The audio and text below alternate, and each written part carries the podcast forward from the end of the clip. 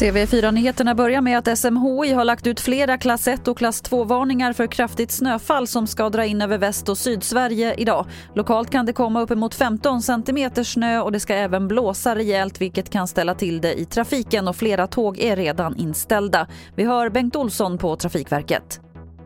Det är inte bara halkan som inträffar när det blir hård vind och det kommer mycket snö. Därför att denna kylan och sånt, den, den går ganska hårt åt eh, träd, inte minst tallar som lätt knäcker dem och sen så blåser de iväg och kanske lägger sig över vägen, åtminstone på det mindre vägnätet. Och det är det vi ska ut och kolla innan vi släpper på trafiken på järnvägen fredag morgon också.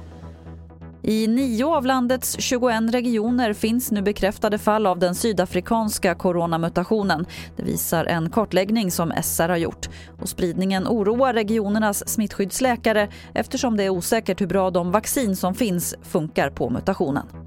En man i Norrköping har för andra gången dömts till fängelse i två år för systematiska bedrägerier, det skriver NT. Han har svarat på annonser, träffat säljare, visat att han fört över pengar och tagit varorna. Men sen har han avbrutit pengaöverföringen och lurat säljarna. Mannen nekar till brott och säger att han tvingats göra så här under hot. Det var det senaste från TV4 Nyheterna. Jag heter Lotta Wall.